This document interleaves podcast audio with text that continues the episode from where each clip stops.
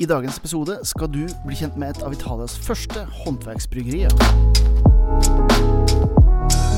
Hallo, ølgærninger, og velkommen til Ølprat. Podkasten som leverer entusiasme og ølkunnskap rett i øret ditt. Mitt navn er som alltid Jørn Idar. Velkommen til dagens episode, der jeg skal ta for med en herremann fra Italia nemlig Agostino Areol fra Birrificio Italiano. Et av de aller første um, håndverksbryggeriene i Italia.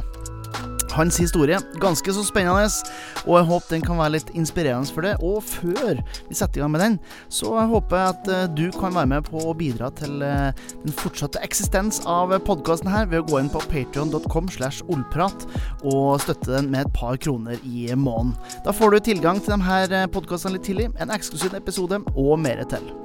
Nå tenker uansett det er på tide å fylle kaffekoppen, eventuelt glasset, med noe høyt skummende, og lene det tilbake for denne episoden av Ølprat.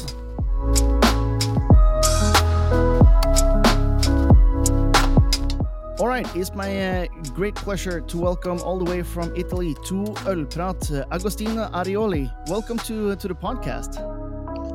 Hello, hello, hello, everybody. It's a pleasure to be with you guys. Yeah, and uh, we look forward to to learning more about uh, about you and of course uh, the brewery that you founded back in uh, in 1994, Birrificio Italiano.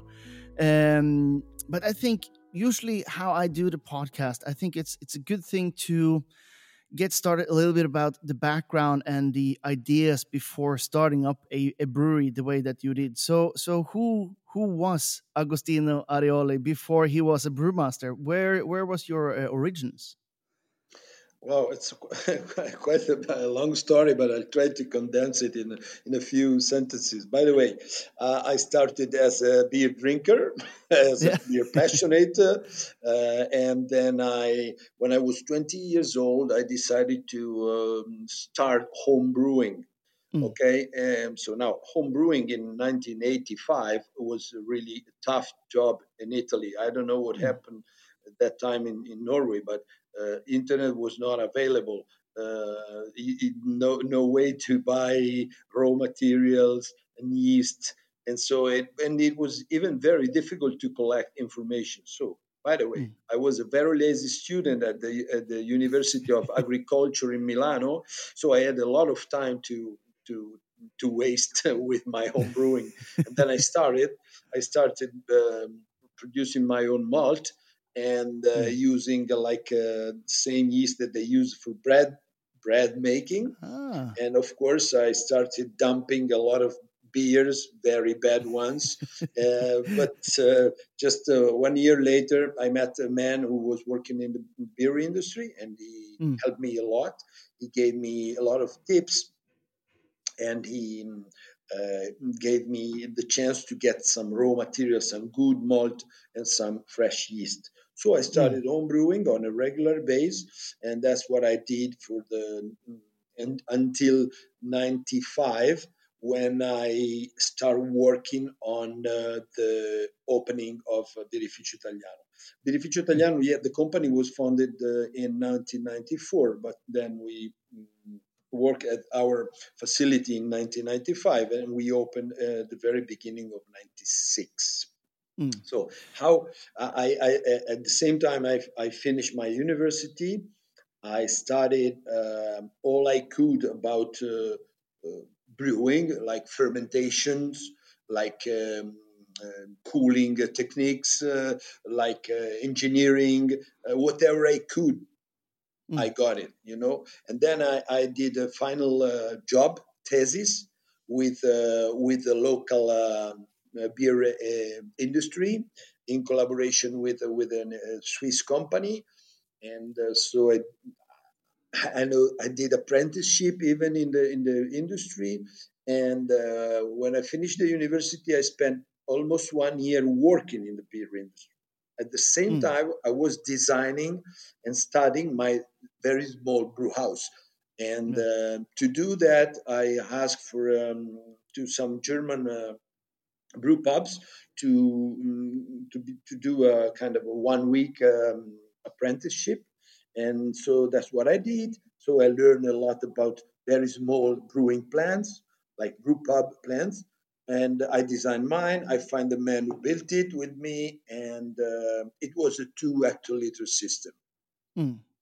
And and I think the, this this time when you started up, this is really when some of the pioneers of Italian craft brewing started, right? Definitely. In, yeah. Definitely, yes.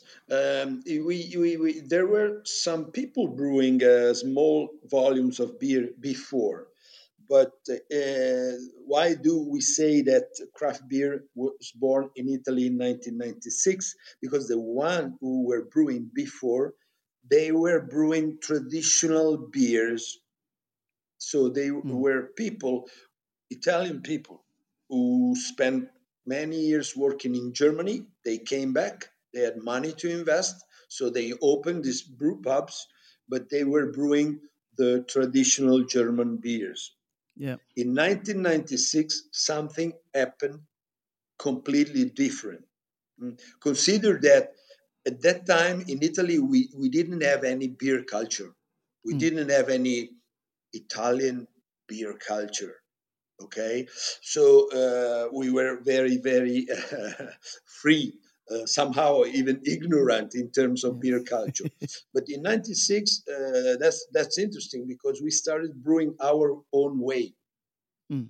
So with me, uh, for example, started uh, Theo of Baladin, and he was brewing his his beer in a Belgian way, but not really Belgian, Italian Belgian okay mm. and i started to brew my italian german uh, inspired beers but they were really out of the of the german or the belgian tradition so something mm. new started and that's yeah. something we are very proud of because in 96 uh, there were very few countries who were brewing uh, you know creative and innovative mm. beers and yeah that's it I, I think it's uh, it's kind of fascinating. Did you did you know uh, did you know that Theo was starting a brewery uh, at the same time? Because uh, the timing seems just so so fascinating to me looking uh, into that uh, that period. Because as you said, you could not go to a home brew shop and buy the malts or the yeast or the knowledge. You had to to search it out in very unconventional ways uh, and there was this this other guy who was doing the same thing. Um, but did did you know that something was going to happen, or was it just by chance? It was uh, because of another important man in Italy. His name is Lorenzo Dabove. He's a beer enthusiast, a beer taster. Mm. Uh, very uh, good friend of mine and of Theo as well. And he just put it us in contact, you know, because he knew mm. it was 90, probably, probably 97 or end of 96. Yeah. And he knew that uh, I was uh, I opened my own place. Theo opened his own, and he said, "Guys, you you have to meet." and so that's what we did, and it, and and there started also the Italian Craft Brewers Association, Union mm. Okay, so this is the story. Uh, hmm. in '96, things were uh, were a little bit different from '85 when I started homebrewing. So mm. raw materials were were already available somewhere. Mm.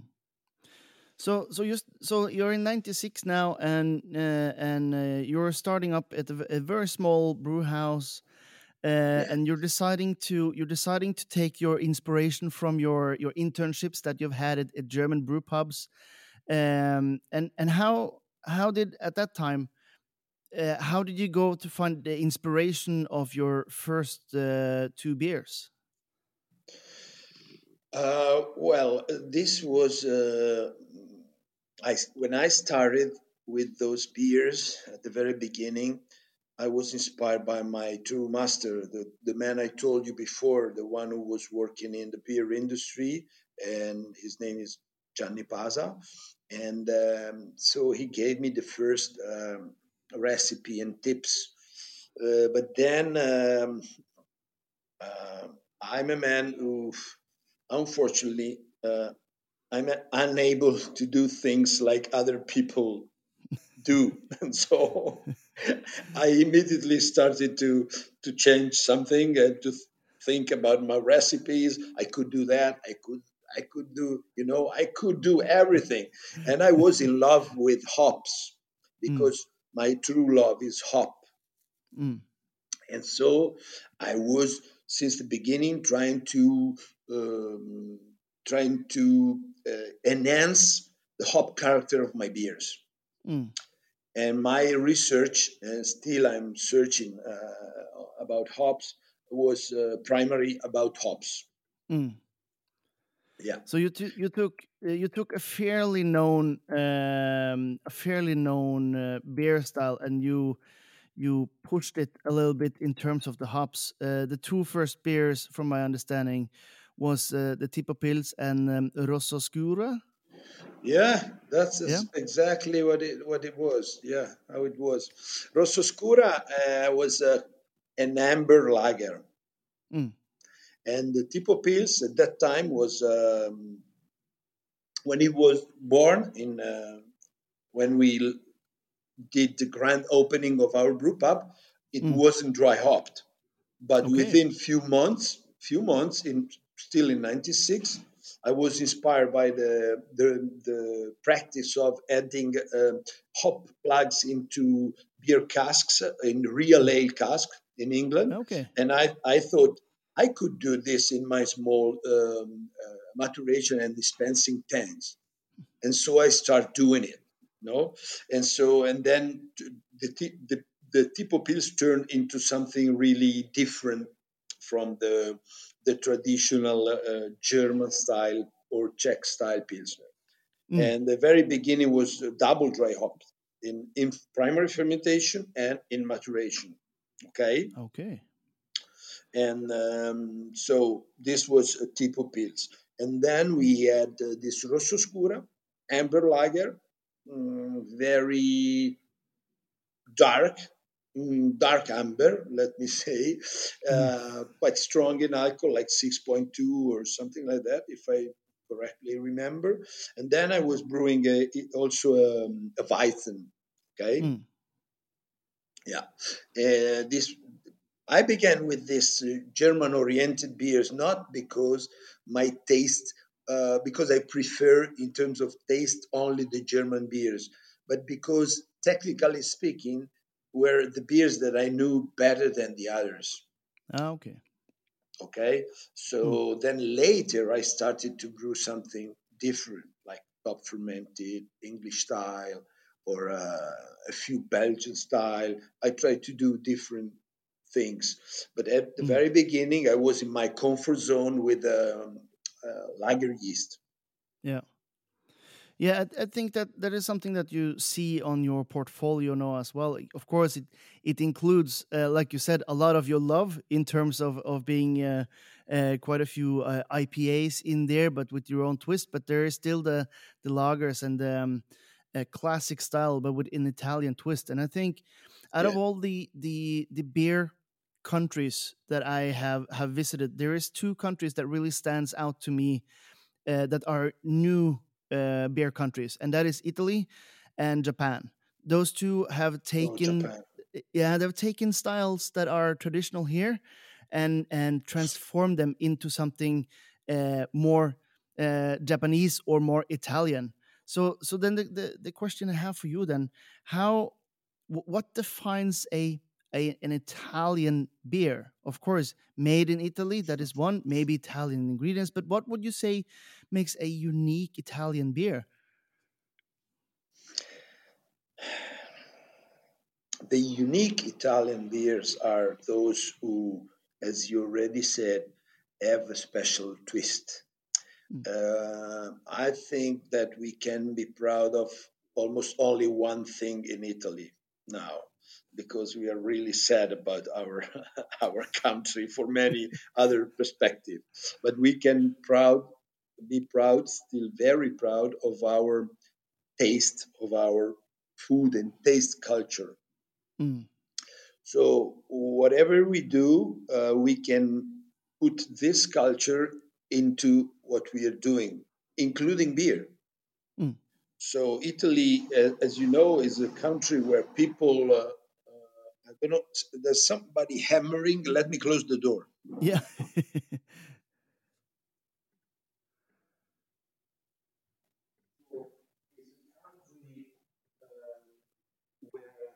we sit down on a table with uh, uh, the family and we and we talk about food and mm. we comment every every tomato sauce every everything we are we are eating so uh, as a matter of fact we know our taste uh, uh, quite well and so mm. when when you apply this knowledge to a beer it's almost automatically almost automatically comes um, you find something new something different with uh, mm. with your touch so um, there are uh, not too many breweries doing this in italy but uh, the one who are doing this are really really uh, top quality and i appreciate the, the, the job they're they are doing so twist mm. of uh, styles yeah Mm. Yeah, I think that that sums it up uh, pretty nicely for for me as well. Uh, but back in in '96, I I guess you have not anticipated uh, the impact that the very first beer would have, the the Tipo Pils. Uh, because uh, after after a few years uh, and probably now more that then the the brewing internet is uh, is born back in 2010 ish, mm-hmm. uh, and until now, um, Tipo Pils is uh, a little bit like a Sierra Nevada Pale Ale. Uh, it's a it's a style defining beer of uh, Italian pilsner. Um, could you uh, anticipate something like this when you started the, the small brew pub back in the 90s? Not at all. I was really uh, unconfident about my job.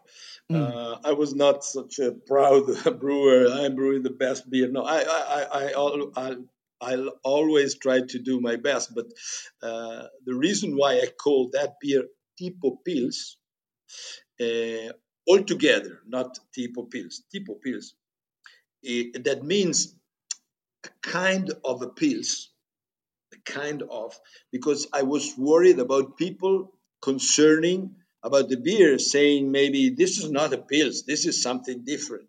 So I mm. called it a kind of a pils. So nobody could bother me about the impro- improper use of the style name. Okay, yeah. so that that's the thing. Tipo Pils. So I wasn't brave brave at all, but uh, imagine this kind of uh, culture, a beer cultural ignorance of mine, a good, a good scientific background, the love of hop, and these are the main ingredients uh, that I add to that that um, caused the the Tipo Pils to to to born. Mm. Uh, if I did understand. Yeah. Uh, did I explain myself? Yeah, that, that's it. And uh, I didn't I didn't think that that was a beer that was uh, going to be so popular, so successful, and and this is growing, growing, growing every day more. So I'm hmm. still mm. astonished about this. Uh, what do I need? a mess.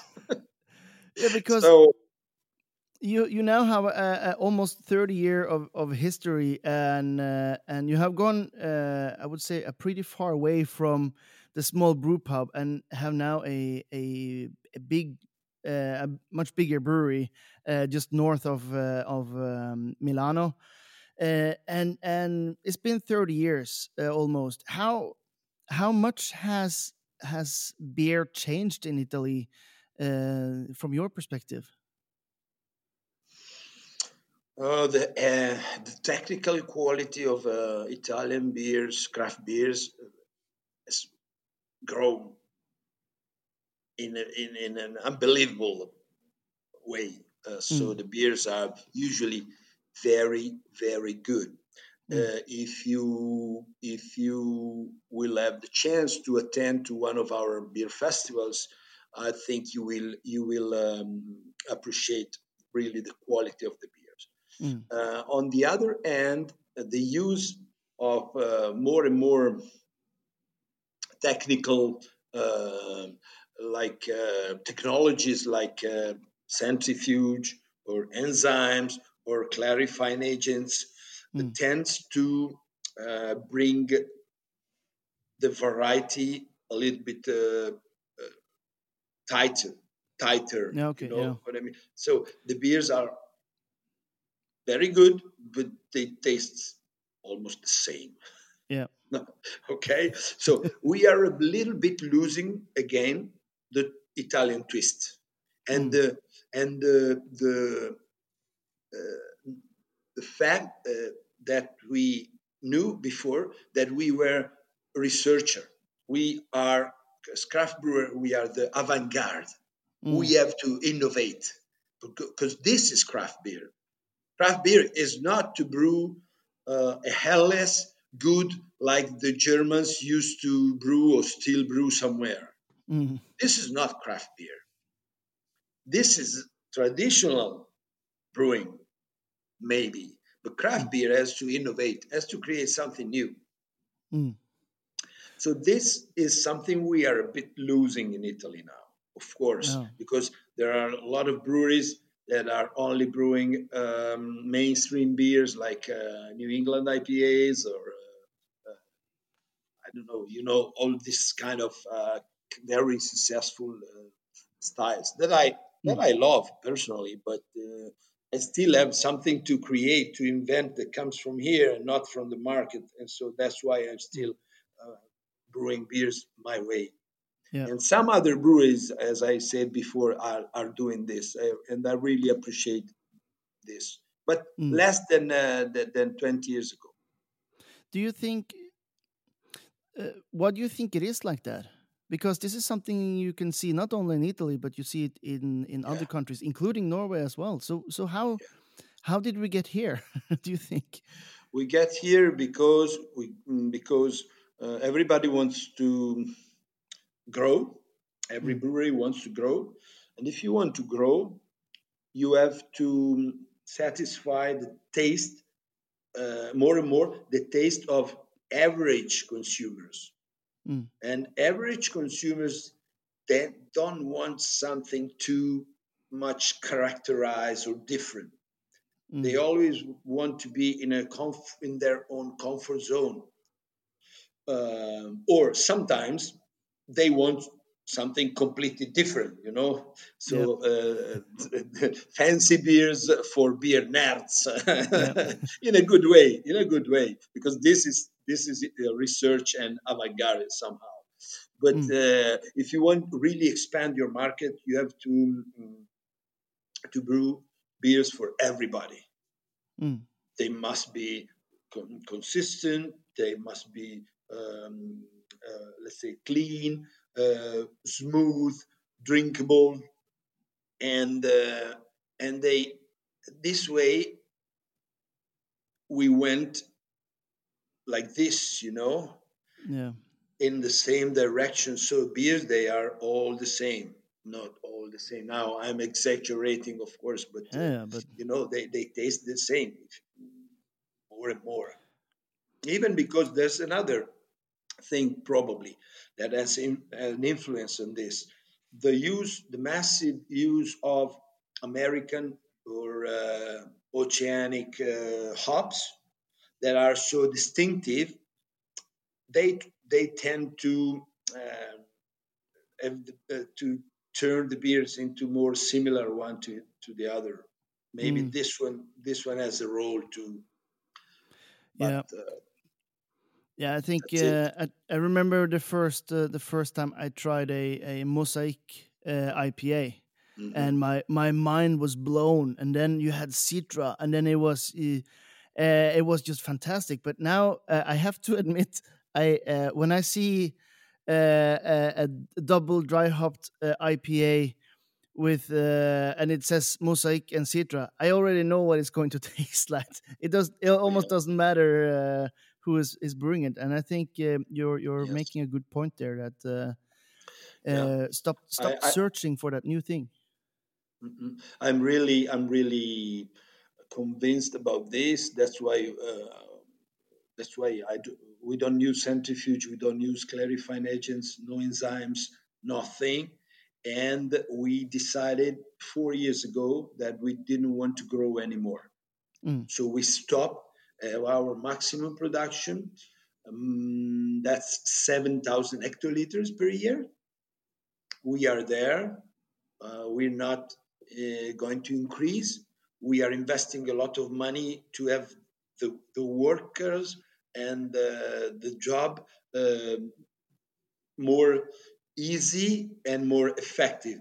Okay, Mm.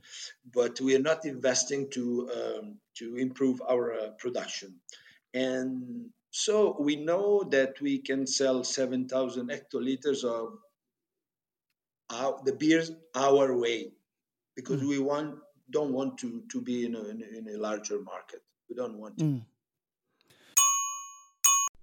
Dagens episode er sponsa av eventfirmaet mitt Ølsirkus, der jeg blant denne uka på fredag skal til Brygg Drammen for å holde et aldri så lite foredrag rundt italiensk øl.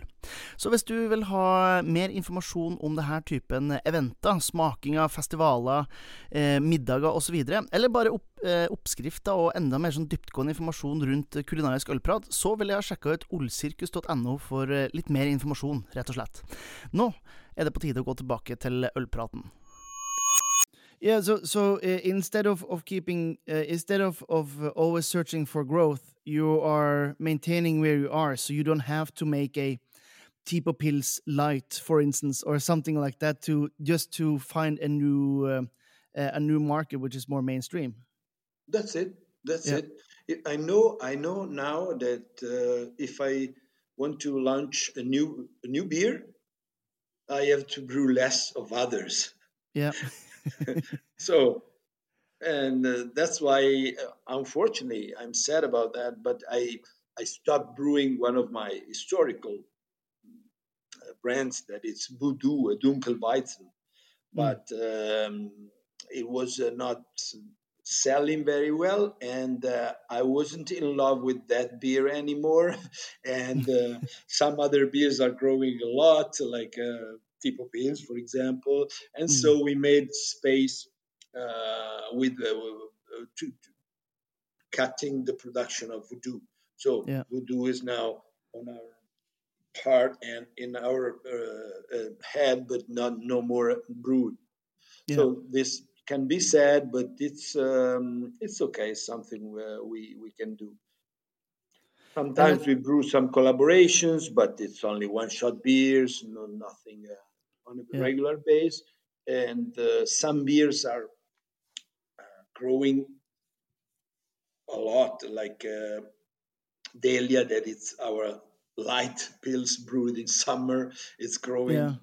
very, very well in the market, and I'm really proud of it because it's a 4.3 ABV uh, pils uh, Mm. with a lot of hop, where we use as aroma hop the Polaris, that it's a Oh, very yeah. high alpha hop, and um, so we are making space even for for, for this Delia, and uh, well, we we are having the fun. Then we have also, as you know, our our small barrel barrel room, uh, barrel works. We do Mm. some sour beers that I love with uh, the brand of uh, Klanbarrique. Yeah. Yeah, it's okay.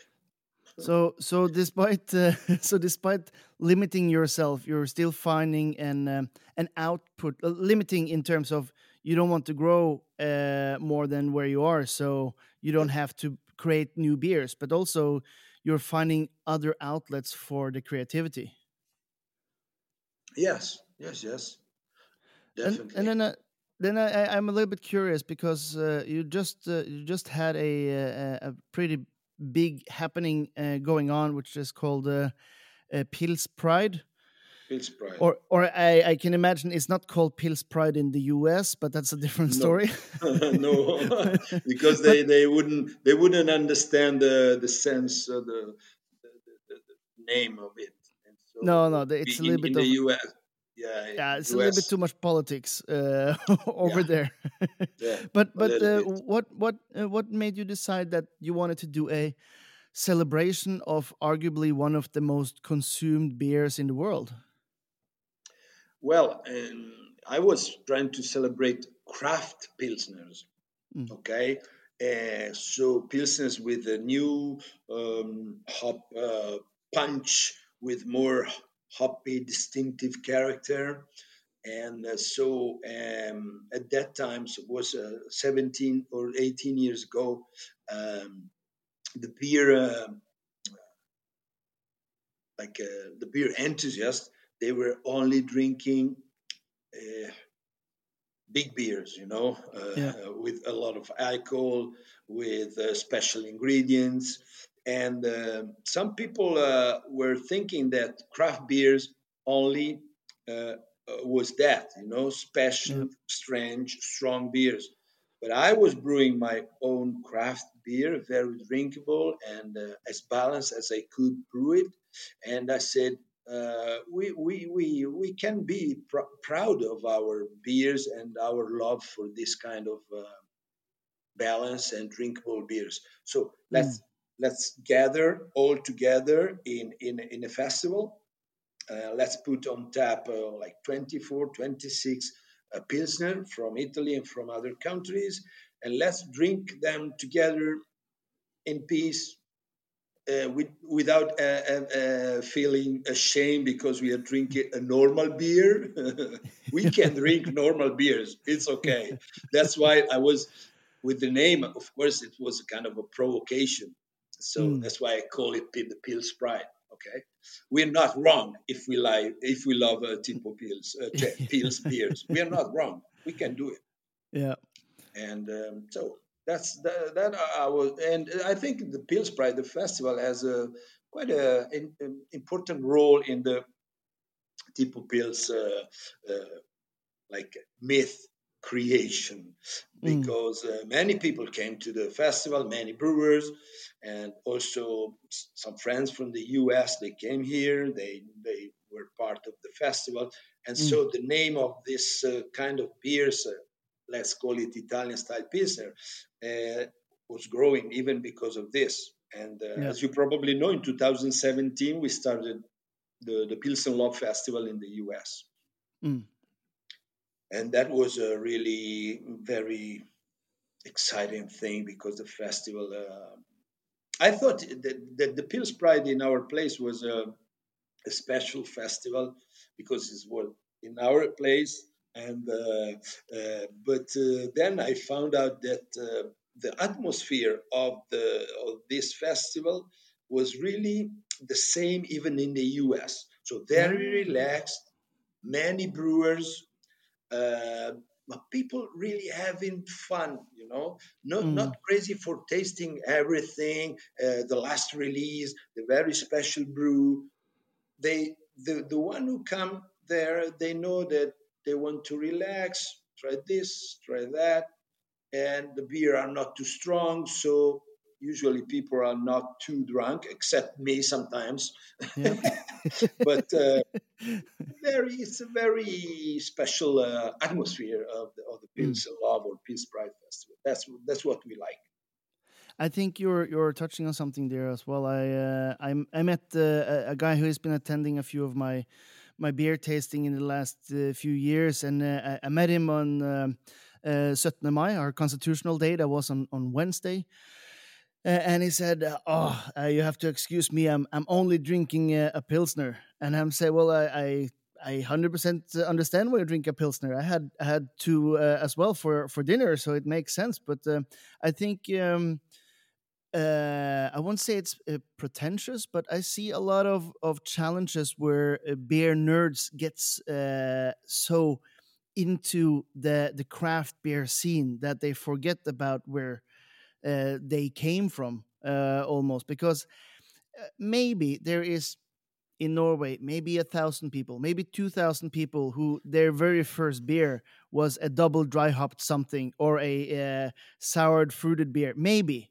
But the majority started with a, a plain old pilsner, and uh, had that for years and years before they were awoken from the matrix, so to speak, and uh, and realized that uh, that there was something with craft beer. So um, I can understand the celebration. I can also understand how it creates a different kind of atmosphere than a, a normal beer festival because at the normal beer festival, um, I think the the the audience that is listening to this already know that my my non-love for Untappd is pretty is pretty strong uh, and when you have people going uh, mainly because of uh, other people's opinion on the phone on an app uh, to choose their beers uh, i don't know. Uh, why don't we just choose things that we enjoy to drink ourselves? That's um... yeah yeah. That's the, that's that's the point.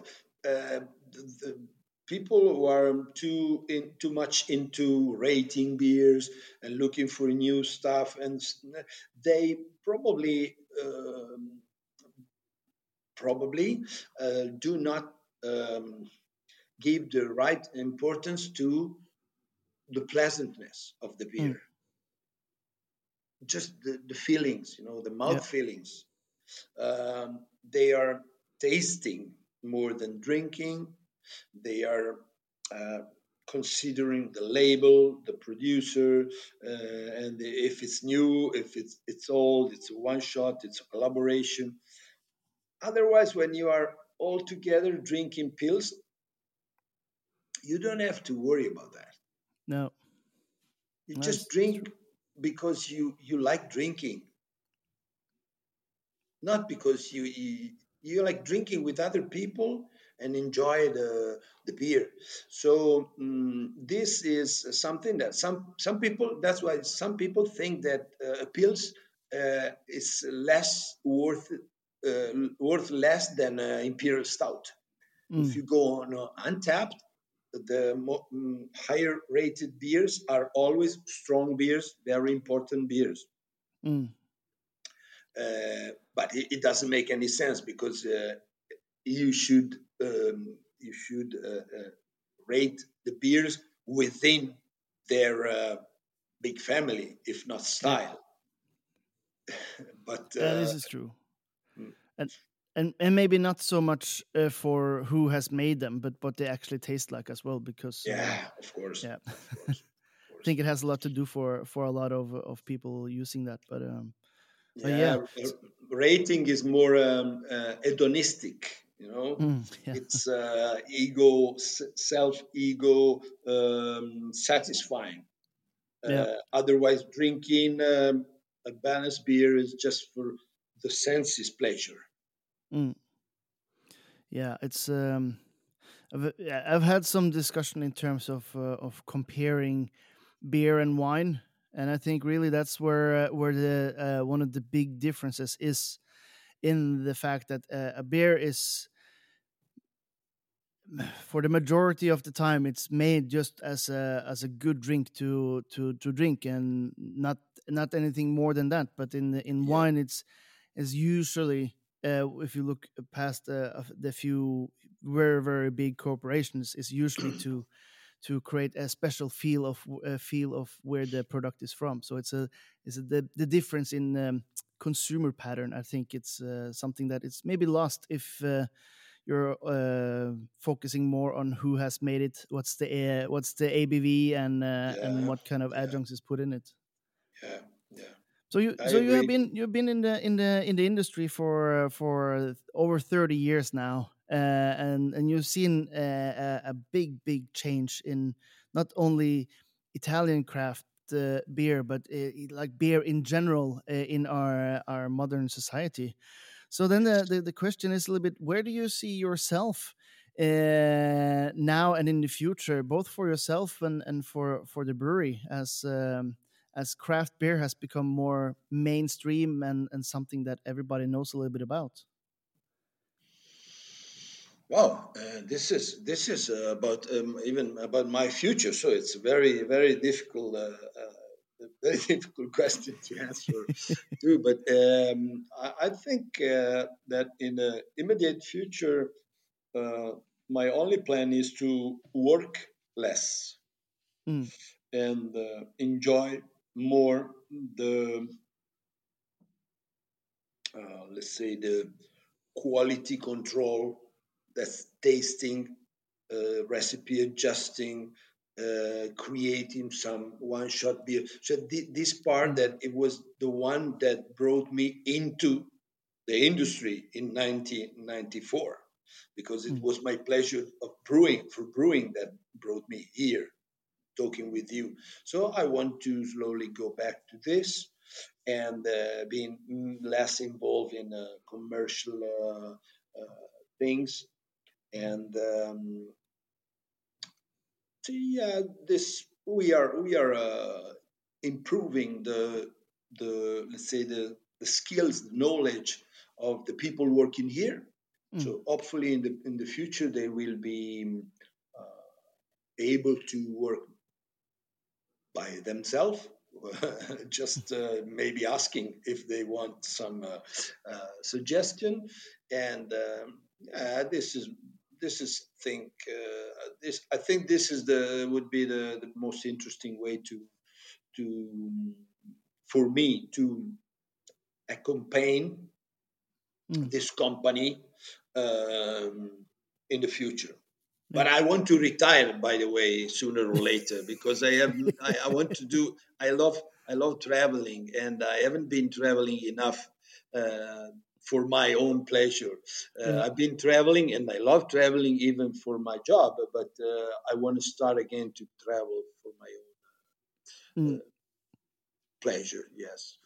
And um, we are, Birrificio Italiano has always been uh, very, um, we brew a very wide uh, range of beers from the very um, strange beers of uh, Clan to some experimental beer uh, with low uh, energetic impact uh, to our standard uh, tipo beers or other beers.